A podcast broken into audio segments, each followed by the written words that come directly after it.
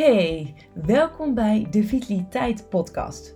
Mijn naam is Lisa van The Body Practice en ik ben vitaliteitsexpert voor het MKB. En wekelijks deel ik in deze podcast mijn tips en adviezen die ik tegenkom bij mijn opdrachtgevers op de werkvloer. En dan kun je denken aan thema's zoals voeding, eh, lichaamsbeweging, stress en werkdruk, slaap en nog veel meer. Soms doe ik dit alleen en soms met een gast. Ik wens je heel veel luisterplezier.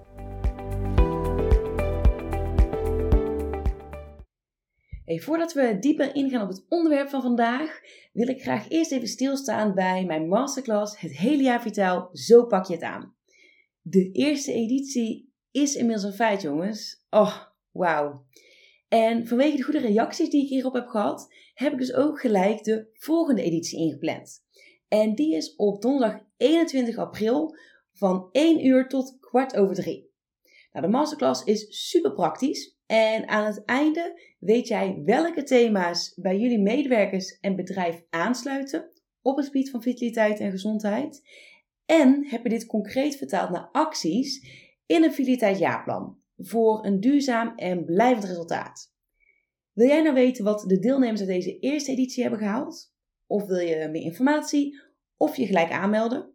Dat kan natuurlijk ook. Ga dan naar www.thebodypractice.nl slash masterclass. Deze link vind je uiteraard ook in de omschrijving van deze podcast. Dus zien we elkaar 21 april? Ik hoop het wel. En dan gaan we nu lekker starten met de aflevering. Yvonne, welkom bij de Vitaliteit Podcast van de Body Practice. Ik vind het onwijs eh, leuk dat je er bent. En we gaan het over een onderwerp hebben wat misschien niet direct te linken is aan vitaliteit, of wat we niet direct zouden linken aan de vitaliteit. Maar ik weet zeker, aan het eind van de podcast, dan snapt iedereen waarom jij hier vandaag bij mij te gast bent. En ja, voordat wij de diepte induiken, wil ik jou gewoon even de ruimte geven om je voor te stellen zodat je uh, mensen ook een beeld hebben van wie jij bent. Hè, dus wie je bent, wat je doet en waar uh, over liefde gesproken voor staat. Dus ik zou zeggen, ga je gang. Ja, dankjewel Lisa. Heel fijn om hier te zijn. Nou, ik ben uh, Yvonne Schouten. Ik ben meer dan tien jaar familierechtadvocaat en mediator geweest. En in die tijd had ik hele diepgaande gesprekken met mensen over relaties. En toen begon mij op te vallen uh, dat eigenlijk het steeds dezelfde valkuilen zijn die tot echtscheiding uh, leiden. En uh, daar ben ik over na gaan denken. Toen dacht ik van, wat ik ook zag, was dat relatietherapie vaak veel te laat wordt ingezet. En ik dacht van, zou het nou niet zo kunnen zijn dat relaties nog te redden zou, zouden zijn als er wat meer kennis uh, zou zijn geweest over bepaalde onderwerpen. Mm En daar heb ik me helemaal in vastgebeten. Ik heb echt uh, nou, tientallen relatieboeken uh, gelezen op zoek naar concrete tips. Ik ben omgeschoold tot relatiecoach. En nou, vervolgens ben ik, heb ik al, alles verzameld en dan ben ik lezingen gaan geven over ja, waar mensen eigenlijk uh, direct hun voordeel mee kunnen doen. Met tips waar ze uh, meteen resultaat van zien. Daar worden we blij van. Ja, dat bedoel ik. Uh, nou, en uh, vanuit, die, vanuit die lezingen, dat heb ik weer uitgebreid naar een online cursus, Boost Your Love Life. En ik geef ook één op één gesprekken. En dat doe ik dan als relatieconsultant. ook voor bedrijven en ook voor werkgevers. Want ik denk dat we daarom ook hier zijn vandaag. Ja omdat er toch ook heel veel um, dingen die voor relaties uh, gelden, tips die voor relaties gelden, dat je die ook op de werkvloer kunt, uh, kunt gebruiken. Ja. Ja, en uh, ja, mijn bedrijf heet Over Liefde gesproken, omdat ik daar dus ook graag over praat. ja, precies. En, maar ja, er zijn hele mooie, mooie dingen. Hè. Er is een Harvard-studie geweest en die zei: wat is het belangrijkste ingrediënt voor geluk? En dat is de kwaliteit voor je, van je relaties. Dus ik hoop dat ik daar vandaag een bijdrage aan mag eh, leveren bij jou. Ja, ook, ik hoop het ook. Nou, ik denk dat het heel goed gaat komen hoor. Ja, en je hebt natuurlijk kort al even het thema net aangestipt. Misschien goed om daar nog even bij, bij stil te staan. Uh, het thema van deze podcast is inderdaad relaties. En we gaan het hier met name hebben over ja, welke rol heb jij nou als werkgever uh, in de relatie van jouw werknemers? En hoe kun je daar überhaupt een rol in spelen om ja, dus ook de vitaliteit van jouw medewerkers zo optimaal mogelijk te houden. Omdat natuurlijk relatieproblemen en relaties privé ook echt wel van invloed zijn op jouw uh, gezondheid en vitaliteit. En hoe, hoe jouw ja, medewerkers functioneren op de werkvloer. Dus daar zit zeker wel een hele duidelijke link. En daar gaan we het um, ja, met elkaar over hebben. En ook zeker, ja, wat heb je nou als HR-professional eraan om ja, kennis te hebben van die impact van relaties op de medewerkers. En vanuit daar gaan we het ook al hebben over een hele praktische manier hoe je dat dus als werkgever zou kunnen uh, inzetten en daar dus mee aan de slag kan gaan. Ja. Maar laten we in ieder geval bij het begin beginnen. Ja. En dat is inderdaad de rol van de werkgever. En ja, de eerste vraag die ik eigenlijk al gelijk voor je heb is... Ja, welke rol heeft een werkgever bij relatieproblemen volgens jou? Nou ja, het is natuurlijk uh, voor werkgevers is het best wel lastig. Want heel veel uh, werknemers die uh, praten op de werkvloer niet over hun relatieproblemen thuis. Hè? Dus nee. praten, vinden het soms al moeilijk om er met vrienden of familie over te praten. Laat staan bij de werkgever. Dus op het moment dat er uh, dat het bij de werkgever naar buiten komt, die relatieproblemen, uh, dan zitten de problemen al vaak ontzettend hoog. Hè? Dan begint ineens iemand uh, plotseling te huilen, of je merkt aan dat iemand niet meer zo productief is, of iemand komt bij de bedrijfsarts en die gaat dan praten en dan blijkt dat er relatieproblemen zijn. Ja. Maar het is voor een werkgever is het heel belangrijk om daar iets mee te doen. Nou, wat kan een werkgever doen? Nou, in eerste instantie natuurlijk al een luisterend oor. Hè? Als je merkt dat een werknemer niet goed in het vel zit, uh, probeer er een gesprek mee aan te gaan. En ook van wat heb je nodig? Hè? Op het moment dat iemand bijvoorbeeld al net gescheiden is, ja, dan zie je vaak met omgangsregeling met kinderen, haal- en brengtijden. Nou, daar kan een werkgever door eigenlijk iets heel simpels te zijn, door de uh, begintijden van het werk of eindtijden iets aan te passen, kun je al iemand ontzettend mee helpen. Maar luisterend oor, waar kan ik jou mee helpen, is belangrijk. Je kunt natuurlijk ook mensen doorsturen hè, via het bedrijfsarts naar relatietherapie. Maar waar ik het eigenlijk over wil hebben vandaag, en dat mis ik in een heleboel vitaliteitsprogramma's van bedrijven, is wat kun je doen aan preventie. Want wat ik net al zei, uh, toen ik nog echtscheidingsadvocaat was, toen zag ik dat heel vaak uh, de gang naar de relatietherapeut of relatiecoach veel te laat gemaakt wordt. En mm -hmm. ja, waar ik op inzet is dus inderdaad praktische tips waar mensen direct iets mee kunnen. En ik ben uh, van mening dat je dat op een manier zou kunnen doen als werkgever door het als een vast item in te bouwen in je vitaliteitsprogramma. Zodat het voor iedereen, dat deze kennis en informatie dat die voor iedereen beschikbaar komt. En niet alleen maar voor de werkgevers bij wie de relatie aan het rammelen is, zal ik maar even zeggen. Hè? Ja. Dus als je het gelijk trekt voor iedereen, dan wordt er ook meer gebruik van te gemaakt. En dan kun je dus ook mensen al in een veel eerder stadium uh, helpen. En ik denk dat dat een, ja, mijn ervaring is dat dat een enorm uh, positief effect heeft. Ja, zij zegt eigenlijk meer van, hè, probeer het al integraal in het beleid en in het bedrijf op te nemen. Ja. En niet pas op het moment dat er een medewerker komt of waarvan je signaleert van oké, deze medewerker loopt echt vast. Dat heeft te maken met relatieproblemen. Ja. En dan gaan we pas kijken of iemand moet doorverwezen worden naar bijvoorbeeld een relatiecoach. Ja, nee, precies. Dus inderdaad integraal en voor iedereen. Zodat mensen, zich, zodat mensen ook niet hoeven prijs te geven van bij mij thuis zit het niet zo lekker. Nee, iedereen loopt gewoon, doorloopt hetzelfde programma. Ja, want ik kan me voorstellen, er heerst natuurlijk best wel ook een beetje een taboe op. En je wil natuurlijk niet je vuile was buiten hangen. Zeker op het werk niet. Voelt dat wellicht gewoon niet helemaal prettig om ja, met zulke problemen uh, aan te kloppen bij, de, bij je werkgever. Precies, ja. En omdat dat taboe dus zo groot is, um, gaan mensen ook privé ja, uh, veel te laat uh, naar, die, naar die therapeut, wat ik al zeg. Hè, wat, wat je vaak zag, wat ik in die, toen ik dus nog echtscheidingsadvocaat was, wat ik dan zag, was dat een van beiden zegt, er gaat iets niet goed. En probeert dat te bespreken met de ander. Nou, ofwel het komt niet aan, of die ander die denkt van, nou ja, zo erg is het allemaal niet. Die probeert een beetje te verbeteren, maar het probleem komt terug. Want er mhm. wordt niet iets structureels aan gedaan. Hè? Mensen blijven communiceren op dezelfde manier. Of uh, herkennen elkaars uh, liefdestalen niet. Hè? Daar komen we straks nog even op terug. Ja. Um, voelen zich niet gewaardeerd. En dat, doordat het probleem steeds terugkomt en niet echt wordt opgelost, zegt op een gegeven moment één van beiden, ik wil naar een relatietherapeut. Dan denkt de ander nog steeds, nou ja, zo erg was het toch niet. Mm.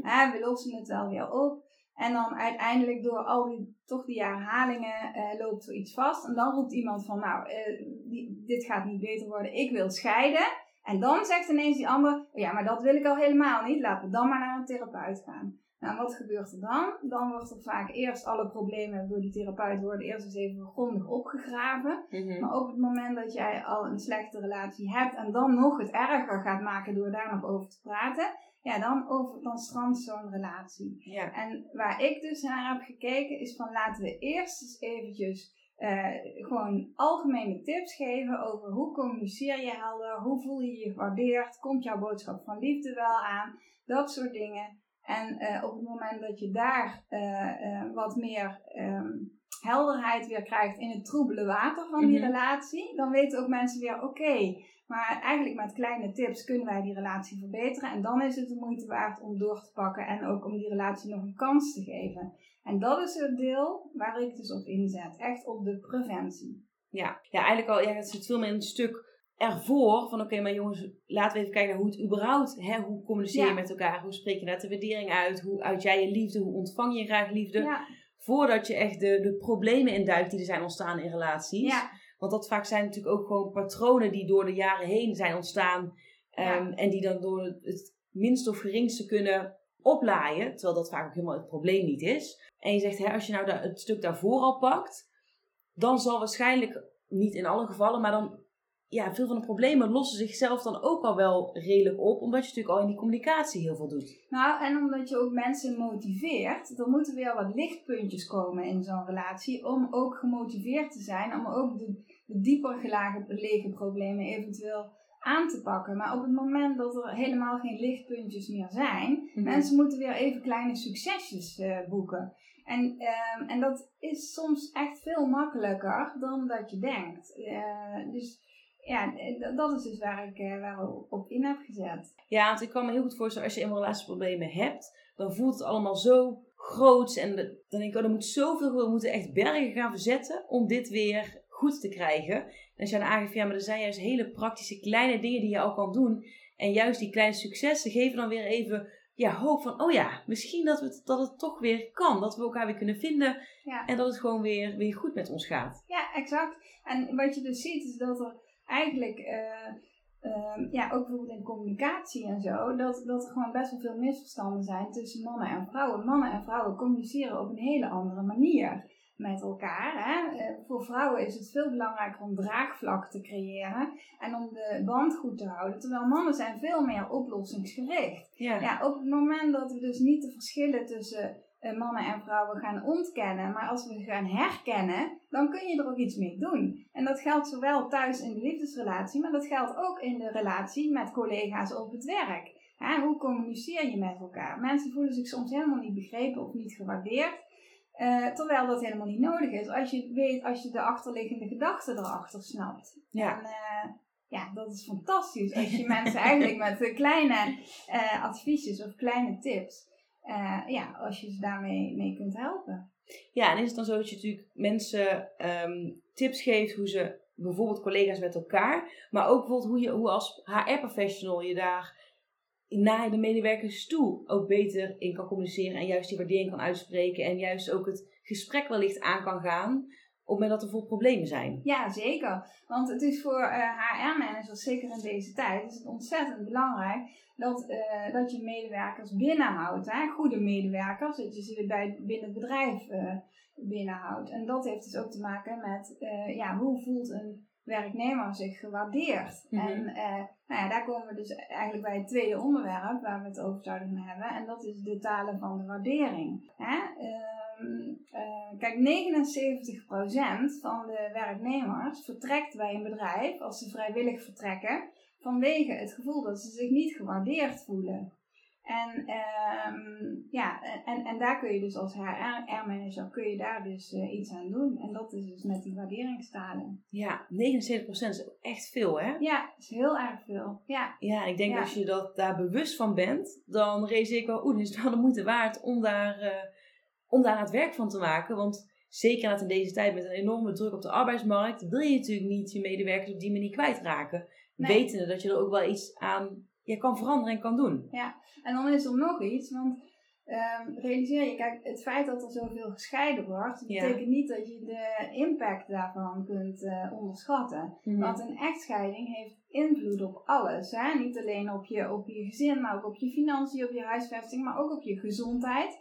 En dus vaak heeft het dus ook, neem je het ook mee naar je werk. En me- me- heel veel mensen die in een echtscheidingssituatie zitten, veel relatieproblemen, die eh, hebben ervaren stress thuis, maar dat nemen ze mee op hun werk. Of ze komen in een burn-out. Mhm. Dus, ehm, en wat er dan gebeurt, is vaak ook bij kleine eh, bedrijven, bij grote bedrijven ook, maar op het moment dat één werknemer uitvalt, door bijvoorbeeld relatieproblemen, uh, heeft dat impact op het hele team. Ja. En dat is ook de reden waarom daar is ook onderzoek naar gedaan. Maar liefst 35% van de werknemers vindt dat een werkgever, of een HR-manager dan, uh, iets moet doen aan relatieproblemen van een werknemer. Omdat die impact zo groot is. Want je, het is een soort ja, eh, domino-steentje. Dat als er eentje uitvalt, dan wordt de werkdruk op een andere groter. En die kan dan ook weer uitvallen. Dus ja, wat dat betreft is het echt zinvol om daar eens over na te denken. Ja, ja dat is toch zeker wel een derde van de, van de uh, medewerkers die zegt van nou, ik wil graag dat mijn werkgever daar ook in investeert in dus mijn relaties privé.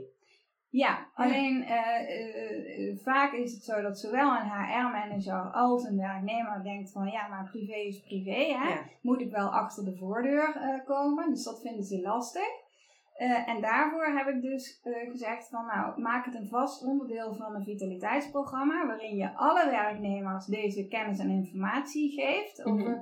hoe communiceer je effectief, hoe, wat zijn die waarderingstalen, nou ja, uh, hoe los je problemen op, hè, ook verschillen tussen mannen en vrouwen. Op het moment dat je dat aan iedereen doet, ook aan de singles, hè, want vergis je niet, um, mensen denken soms dat een scheiding een oplossing is. Hè, maar waar het nu ongeveer 40% is dat huwelijken stranden. De tweede huwelijken of tweede relaties stranden, daarvan is het percentage bijna het dubbele.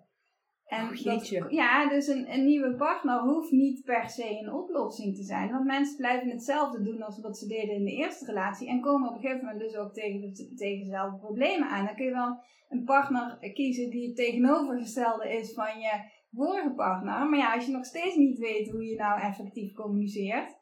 En wat er ook gebeurt, is bij tweede relaties, is dat mensen uh, vaak een partner hebben die misschien ook nog kinderen hebben uit een eerdere huwelijk. Nou ja, en dan moet je met omgangsregelingen, om, een, om één dagje een andere afspraak te maken, mhm. heb je al te maken met vier of acht mensen die daarbij betrokken zijn. Hè? Dus het wordt alleen maar lastiger. Uh, dus mijn wens zou zijn, hè, mhm. ehm, is dat we toch eens even gaan nadenken van als we kijken naar de kwaliteit die we nu aan onze liefdesrelaties uh, stellen, uh, moeten we dan nog alleen afgaan op intuïtie en hebben we dan niet wat meer kennis nodig? En ik denk dat net zoals dat als je beter wil worden in tennissen of in wat voor iets dan ook, je hebt gewoon kennis nodig en een beetje oefening om het naar het volgende level uh, te, te brengen. En ja. Dat, ja, dat is eigenlijk makkelijker dan, uh, dan dat je denkt. Ja, het klinkt wellicht net heel groot, maar jij ook zei, het zijn zoveel praktische kleine dingen die je ook kan doen om dat te verbeteren. En ik denk dat het ook precies wat jij zegt. Kijk, het lijkt soms de oplossing om dan maar inderdaad je huidige partner om daarmee te scheiden of uit elkaar te gaan. Maar als jij niks doet aan dat jouw communicatie of überhaupt inzicht krijgen in hoe jij communiceert, ja, dan neem je dat gewoon mee in een volgende relatie. En dan gaan problemen zich opnieuw voordoen, omdat natuurlijk de, er is niks opgelost. Nee. Er is in principe niks opgelost. Je hebt het gewoon, je bent eigenlijk een beetje uit de weg gegaan. Zo van, nou, deze match is niet meer, dus gaan we uit elkaar. Ja. Maar ja, dus de, de problematiek of de zaak waar je tegenaan loopt zijn nog steeds. En met een nieuwe partner ontstaat het gewoon weer opnieuw. Precies. En, en dat is dus ook de reden. Maar kijk, wat, wat, wat ook mijn ervaring is. En je kunt wel een, een, een, een relatieboek lezen. Of je kunt naar een coach gaan of zo. Maar ja, heel veel mensen hebben gewoon helemaal geen zin in die relatieboeken te lezen. Nee, en dan staan er oefeningen in. Nou, die ga je ook niet doen. En je partner doet het ook niet, weet je wel. Of je doet er, jij doet het wel, je wil het graag, maar je partner doet het niet. Dus um, waar ik nu op, wat ik, waarin ik gespecialiseerd ben, is dat ik dus, ik heb tips gemaakt waarin ik jou dus de achtergrondinformatie geef. En we gaan het dadelijk hebben over die liefdestalen. Dat is één aspect van het geheel wat ik doe.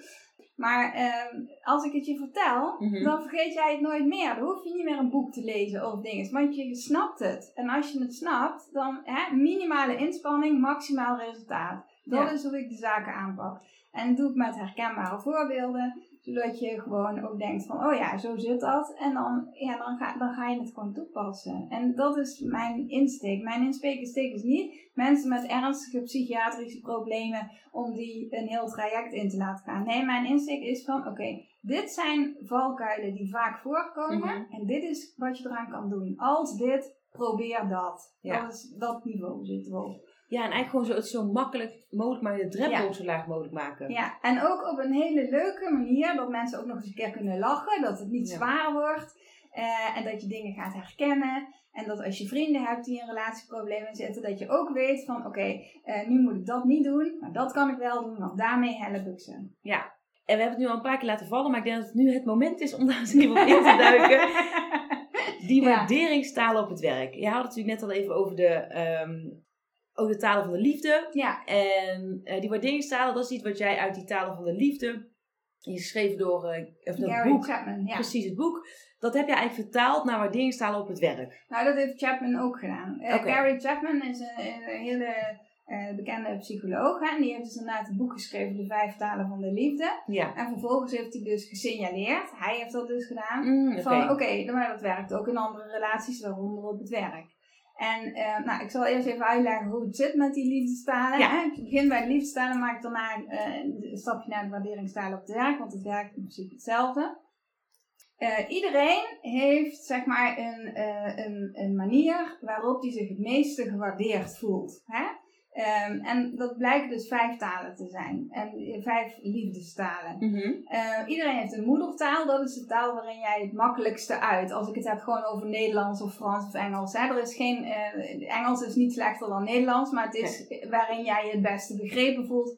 En in dit geval het beste gewaardeerd. Nou, wat zijn nou die vijf talen van de liefde? De eerste is cadeautjes. Dat zijn mensen die het allerblijste worden als ze een cadeautje krijgen. Ja. Dat is niet, eh, dat hoeft geen duur ding te zijn. Ja, het is leuk als je een auto krijgt, maar, hè, maar een, een, een mooie steen of een schelp van het, eh, eh, op het strand die je hebt gevonden. En ik kom naar jou en ik zeg, goh, ik liep op het strand en ik dacht aan jou, ik vond deze mooie schelp, alsjeblieft. Maar het gaat om een object. Een Ja. object wat met eh, aandacht eh, is, wordt meegenomen. Het overhandigen van een object. Er zijn ook mensen die zeggen, ja, we hebben helemaal niks met cadeautjes. Mhm. Maar ehm, eh, woorden. Ik wil graag de woorden houden. Ik hou van je. Mhm. Of jij bent belangrijk voor me. Of een, een appje tussen de middag. Weet je wel? Ja. Daar doen ze het voor. Die cadeautjes, dat, dat raakt ze niet zoveel. Dan heb je mensen die zeggen, ja, woorden en cadeautjes. Nou ja, dat doet me ook niet zoveel. Maar tijd voor elkaar. Eventjes een gesprek, goed gesprek of een glas wijn. Daar word ik blij van. Dan hebben we het helpende handje mensen die zeggen: Ja, het is leuk dat jij zegt dat je van me houdt, maar help me dan even met deze taak. Hè? Mhm. Of zet het kopje in de vaatwasser.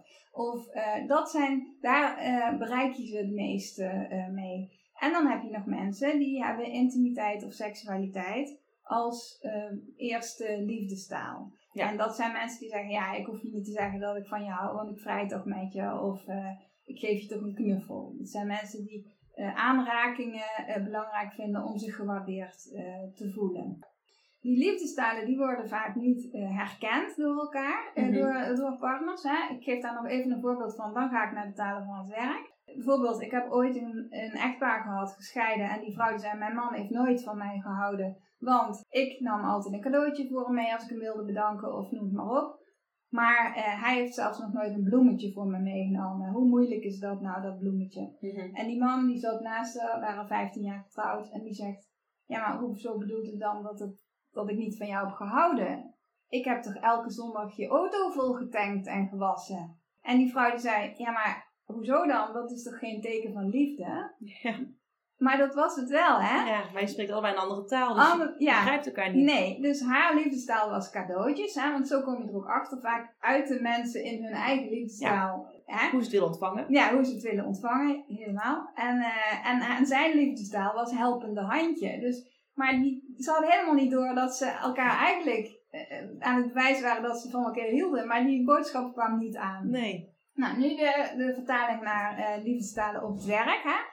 En dan noemen we dus talen van de waardering. Nou, dan blijven er vier over. Eh, want eh, intimiteit en seksualiteit, nou, we willen natuurlijk geen eh, Voice of Holland of MeToo verhalen krijgen. Precies. Ja, overigens, dat is wel interessant. Wanneer is een, een aanraking wel gepast hè, op Ja. het werk? Nou, bijvoorbeeld als je iets te vieren hebt, hè, een high five, hè, heel neutraal. Ja. Dat is allemaal geen probleem natuurlijk. Of als je iemand wil troosten, kun je even een hand op een schouder leggen. Maar verder zou ik daar weg van blijven. Precies. Ja? Ehm, eh, eh, en dan, eh, ja, waarderingstalen, die zijn dus eigenlijk hetzelfde. Want ook hier hebben we woorden. We hebben mensen die heel gevoelig zijn voor een complimentje. God, wat heb je dat goed gedaan. En dan ook specifiek. Dus wat fijn dat ik aan jou die cijfers kan toevertrouwen, want ik weet dat jij dat heel nauwkeurig doet. Want het is iets wat specifiek voor die is, niet iets algemeens.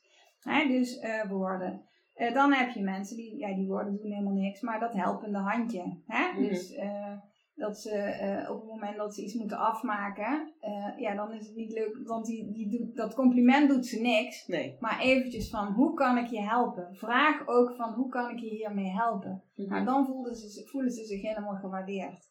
Andere is tijd voor elkaar. Dat zijn mensen die zich heel erg gewaardeerd voelen als je met ze in gesprek gaat. Als de werkgever zegt van, hoe gaat het eigenlijk? En kun je meedenken over dat plan? Nou, dan voelen ze zich helemaal uh, gewaardeerd. Even kijken, hebben we er nog één? En dan hebben we natuurlijk nog cadeautjes, hè, want ook dat kan een taal van waardering zijn. Nou, heel veel werkgevers slaan de plank een beetje mis. Uh, doordat als iemand iets goed heeft gedaan, dan denken ze, nou weet je wat, uh, we geven even een, een, een, cadeau of zo. Maar op het moment dat je dat aan alle werknemers geeft, dan komt dat cadeau al niet meer aan. Het is niet meer speciaal. Nee, zeg maar. dus je moet kijken van als, als de eh, waarderingstaal van een bepaalde werknemer cadeautjes zou zijn, mhm. waar maak je diegene blij mee? Hè? Is dat eh, heeft hij een, een hobby, weet ik veel wat, uh, bloemschikken, of, ja, iets heel raars zijn. ik weet geen idee waarom ik dit nu noem, maar ineens komt het. Geef dan een cadeaubon voor een cursus bloemschikken of zo. Wil iemand, uh, houdt iemand heel erg van voetbal, regel dan een kaartje voor een wedstrijd. Hè? Noem maar even een paar dingen. Je hebt ook hele foute cadeautjes. ja. ja. Ja, voor de cadeautjes die je niet als cadeautje moet zien als werkgever zijn uh, marketing spullen die je over hebt. Of, uh, oh ja, ik snap precies wat je bedoelt. Ja, of een, of een eh, t-shirt met een enorm logo van het bedrijf. Ja, dat zijn geen cadeautjes. Snap je? Ja. Nee, dat zie jij misschien als werkgever als cadeautje aan je werknemer, maar zo wordt het niet ontvangen. Nee, zo wordt het niet ontvangen. Nee. En bijvoorbeeld ook als je dan, als je dus weet wat van jouw specifieke werknemer, hè, dus niet van het hele team, want die waarderingstalen heeft te maken met specifieke werknemers en iedereen heeft verschillende uh, waarderingstalen. Weet van die werknemer van wat is nou jouw taal, waarmee voel jij je gewaardeerd? En als dat dus, nou ja, we hebben het net over gehad over die cadeautjes, als je het hebt bijvoorbeeld over mensen die uh, woorden hebben, zeg dan specifiek, leg even een briefje neer of maak even een handgeschreven kaartje hè, mhm. van... Uh, nou, wat fijn dat je toen even wat langer bent gebleven. Ik waardeer het zeer dat je me daarmee hebt geholpen. Ehm, vraag even input. Nou ja, dus maar wees, wees je bewust van wat zou dan die uh, werknemer, wat heeft die dan voor een waarderingstaal? Vet interessant wel om ook die, die vertaling te maken van hoe dat in liefdesrelatie werkt. Ja. En dus eigenlijk precies hetzelfde op het werk. Precies hetzelfde. Alleen dan moet je kijken van wat voor middelen heb ik als werkgever om uh, daarmee om te gaan. En dan heb je natuurlijk ook de vraag, hoe kom je erachter? Dat was eigenlijk wel mijn volgende vraag van oké, nu, nu weten we dit, maar hoe kom je dan achter wat, ja, welke waarderingstaal iemand spreekt? Ja, ja precies. Je hebt daar, uh, je hebt daar ik, ik, heb daar een programma van en je kan daar vragenlijsten over, uh, over opstellen. En dan inderdaad, als je dan toch zo'n programma Vitaliteit het indoet, kun je het daarin doen.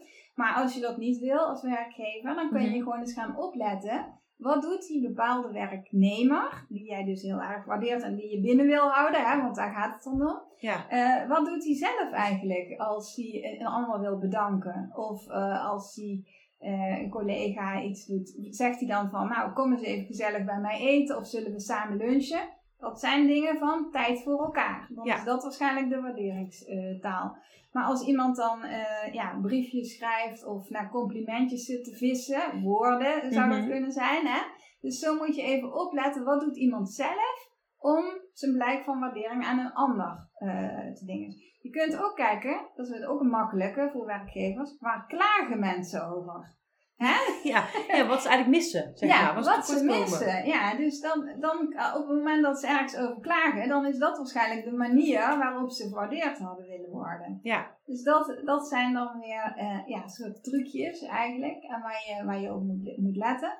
En je kunt ook vragen aan werknemer dat als er iets tegen zit, Mhm. hoe moet ik jou dan aanmoedigen? Dat kun je gewoon rechtstreeks vragen. Van wat Ja. heb je nodig? Hè, hoe kan ik je helpen?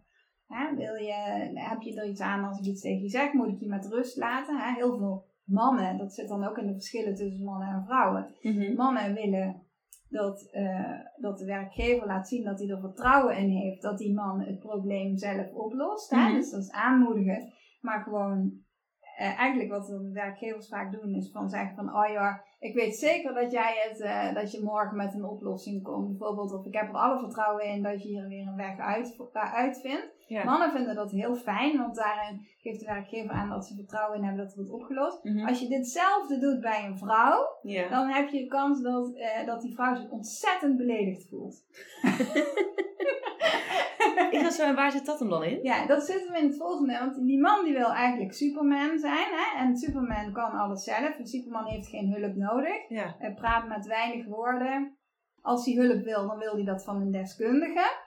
Eh, bij vrouwen is het zo. Vrouwen praten brainstormend. Die hebben veel eh, woorden, gebruiken die. Mhm. Omdat voor hun de relatie op zichzelf eh, belangrijk is. Zij willen draagvlak creëren. Ja. En om draagvlak te creëren moet je iets weten over de achtergrond. Dan moet je weten hoe het bij mensen thuis zit. Of weet ik veel wat, allerlei andere informatie. Die voor mannen helemaal niet interessant is. Mannen gaan direct naar de oplossing. En vrouwen, hè, die willen ehm, ja, draagvlak creëren. Die willen een team, het team goed houden. Dat vinden zij belangrijk. Dus die willen over het probleem praten. En die willen samen. Ja. tot een oplossing komen. Terwijl mannen zijn veel meer van, nou, ik heb dit probleem opgelost. Kijk eens hoe goed ik hierin Ja, ben. ja. Ja, ja.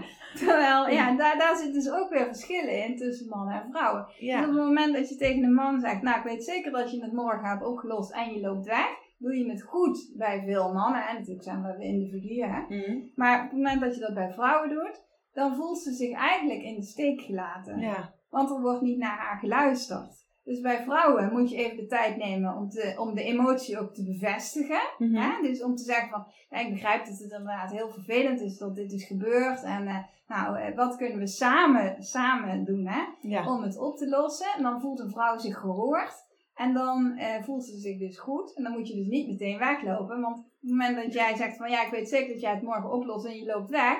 Dan denkt die vrouw, oh, maar ik ben helemaal niet belangrijk voor je. Ja. Snap je? Ja, maar dat zijn precies. dus allemaal kleine verschillen waarin je dus als werkgever, op het moment dat je het één keer hebt gehoord, Mhm. dan begrijp je het en dan weet, snap je ook beter reacties. We zijn onder de, want dit gaat natuurlijk dan heel erg over het verschil tussen man en vrouw. Als je het dan weer hebt over die waarderingstalen, zijn die wel universeel voor man-vrouw? Of zie je daar ook weer verschillen in? Dat bijvoorbeeld mannen eh, vaker die waarderingstalen hebben dan vrouwen en andersom? Nou, het gaat niet zozeer om in, in, ehm, of mannen en vrouwen, dat gaat dus over het individu. Dus daar moet je wel op, eh, op- letten. Mhm. En daar moet je dus over in gesprek gaan. Maar het punt is dat je dus aan de ene kant heb je dus, ja, kun je het fine-tunen. Maar je moet eerst eens eventjes daarom, ja, in mijn eh, cursus, als ik het Boost Your Love Life bijvoorbeeld heb, hè, dat is dus die relatie-inspiratiecursus voor mensen thuis, nou, die je ook als werkgever kunt inzetten in dat Mhm. vitaliteitsprogramma, dan ben ik aan het generaliseren en ik ben aan het overdrijven. Hè? En eh, sommige dingen zeggen ook, ja, mannen doen dit en vrouwen doen dat. Maar ik weet natuurlijk ook wel dat we hele mannelijke mannen hebben en hele vrouwelijke vrouwen, maar ook mannelijke vrouwen en vrouwelijke mannen. Ja. En dus zeg ik ook altijd van luister, eh, als jij je herkent in iets wat, eh, jij bent vrouw en je, herkent je in iets wat eigenlijk, waarvan ik zeg van ja, dat doen veel mannen. Ga daar dan niet op focussen, maar kijk gewoon wat je met die tip kunt. Ja. Hè? Dus, want e- eerst moet je het, het grote geheel snappen en daarna kunnen we gaan fine-tunen. Ja, precies. Dus het gaat inderdaad om, het, om de bigger picture Ja. die je moet snappen voordat je ook datgene eruit kan halen wat voor jou goed werkt en dan het op praktisch niveau voor jouw situatie kan Ja. toepassen. Ja, en wat ik dus heb gedaan met zeg maar die, eh, die in mijn lezingen, hè, die, die ik geef, ook voor bedrijven dus, hè, met heel veel humor en herkenbare voorbeelden. Ehm, en ook in die eh, online eh, cursus, daarin geef ik zeg maar het, het grote geheel. Mhm. Ehm, maar nogmaals, als je wil dat er wordt gefine-tuned, dan kan dat ook. Want dan ga ik één op één in gesprek met een werknemer of met een, nou iemand die een, een probleem heeft, eh, een relatieprobleem of, of wat dan ook. En dan gaan we specifiek van, oké, jij loopt, dit is de situatie, hier loop je tegenaan. Mhm. En waar heeft dat mee te maken en wat kun je eraan doen? Dus Ja. dat is het. Ja. Ja, want ik denk dat met die, met die algemene informatie is natuurlijk, geeft natuurlijk heel veel inzichten Ja. en heel veel herkenning. Dat je denkt, Ja. oh ja, dit ben ik of dit is van toepassing op, mij, op mij en mijn partner en noem maar op. Dus ik kan me voorstellen dat dat echt een, een feest van herkenning is waar heel veel al wel echt wel iets mee kunnen. ja. Maar ja, niet iedereen kan dat ook echt dan weer vertalen. Nou, oké, op praktisch niveau, dit is dus wat ik in mijn eigen leven ermee kan doen. Eh, of hoe je dit kan toepassen. Ja, maar ik heb de tips wel zo gemaakt dat toch een heleboel dingen dat je echt meteen aan de slag mee kan Toch gaan. wel. En omdat het zoveel is met eh, herkenbare voorbeelden en ook humor, Mhm. merk je ook dat ook binnen een bedrijf dat ineens mensen er op een open manier over kunnen praten, zonder dat het meteen hoeven zeggen, ja, maar bij mij thuis gaat dat zo. Dat mag, als ze dat willen. Ja. Maar het is ook grappig om te zeggen van, goh, bij die lezing van Yvonne of eh, in die cursus heb je dat gezien. Nou, dat voorbeeld was wel heel grappig, hè. En eh, weet je, bij die collega speelt dat volgens mij, weet je wel.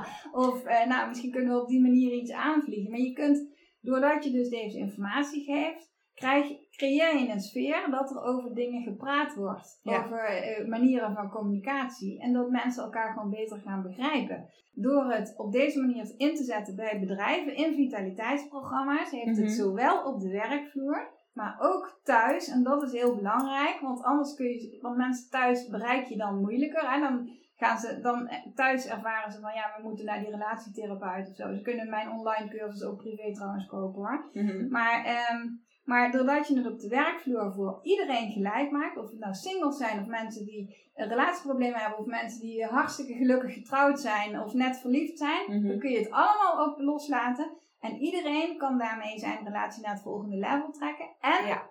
als werkgever zet je werkelijk in op echtscheidingspreventie.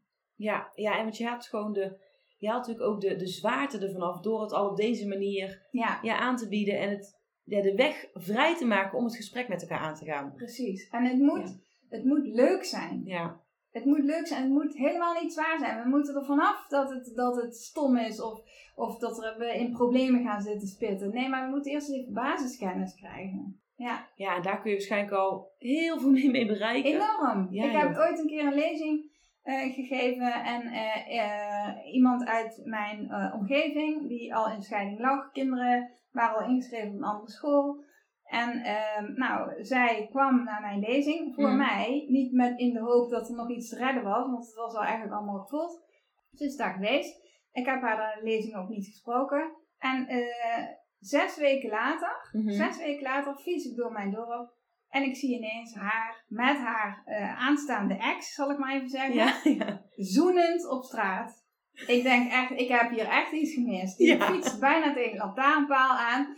En eh, nou goed, ik dacht eerst van, hij was een andere man, maar die lijkt wel heel erg veel op, eh, ja. Is duidelijk een type. Ja, ja, precies. Dus, nou, goed, dus toen eh, heb ik haar opgebeld en ik zei, goh, zag ik dat nou goed? Ja. ik durfde eigenlijk niet zo goed vragen. Ze zei, ja, nee, maar we zijn nog helemaal happy samen en we gaan een weekend naar Parijs en dit en dat. En echtscheiding is van de baan. Ik zeg, goh, ik zeg, heb je dan eh, therapie? Zijn jullie in therapie geweest? Heeft het nog geholpen? Nee, zegt ze, nee, Yvonne, ik ben naar jouw lezing gekomen. Ik zeg, ja, maar een lezing van twee uur, eh, hoe bedoel je? Wat, eh ja, zegt ze, nou ja, ik heb gewoon jouw tips toegepast. En, eh, ja, en het heeft enorm effect. En, en een van de tips ook is bijvoorbeeld, stop kritiek en start met complimenten. Mhm. Nou ja, daar kan ik ook heel podcast heel veel Ja. praten. Maar, maar in ieder geval, het werkt. Ja, En het heeft, eh, eh, ineens gaan kwartjes bij mensen vallen. Oh, zo zit dat dus. Dan ja. kun je dus heel veel met eigenlijk heel weinig eh, investering, minimale inspanning, maximaal resultaat. Ja, ik denk dat het een heel mooi praktisch voorbeeld is van hoe het dus gewoon zijn werk kan gaan. Ja. Fantastisch. Ja, En zijn op dit punt, we hebben natuurlijk inderdaad best wel uitgebreid over die waarderingstalen Ja. gehad. Echt mega interessant. En dat is natuurlijk maar één van de dingen die je ook Ja. als werkgever kan doen.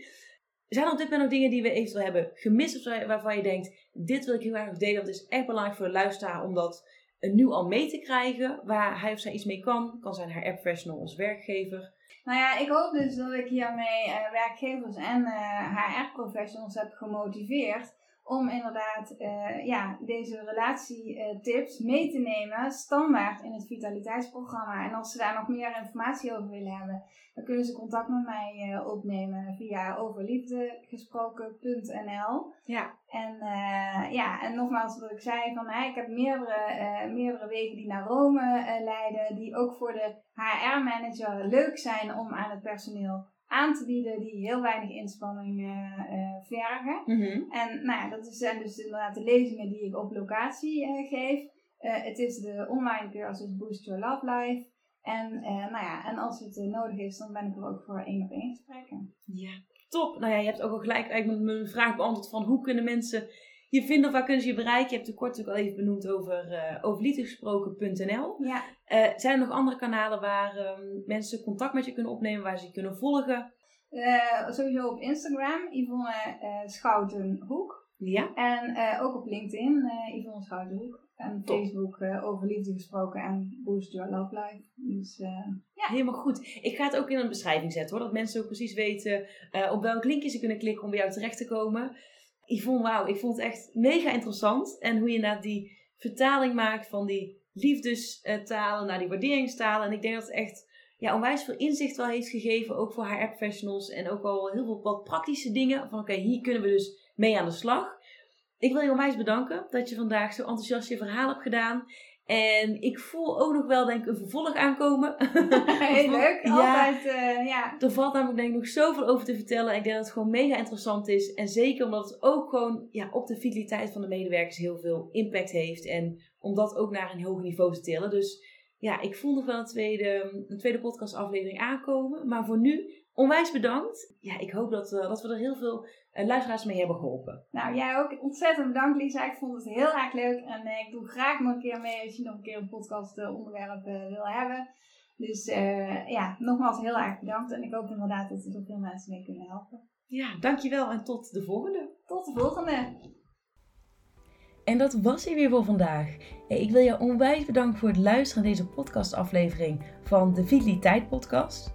Ik hoop dat die ook vandaag weer onwijs waardevol voor je is geweest.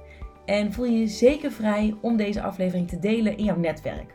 Mocht je iemand in je netwerk hebben die hier ook profijt van kan hebben, dan wordt dat uh, zeer gewaardeerd. En ik zou het ook onwijs leuk vinden als jij een beoordeling achterlaat op Spotify of op Apple Podcast. Vind ik alleen maar heel erg leuk om te zien. Nou, ik hoop dat jij de volgende keer weer bij bent. En voor nu wil ik je in ieder geval nog een hele fijne dag wensen.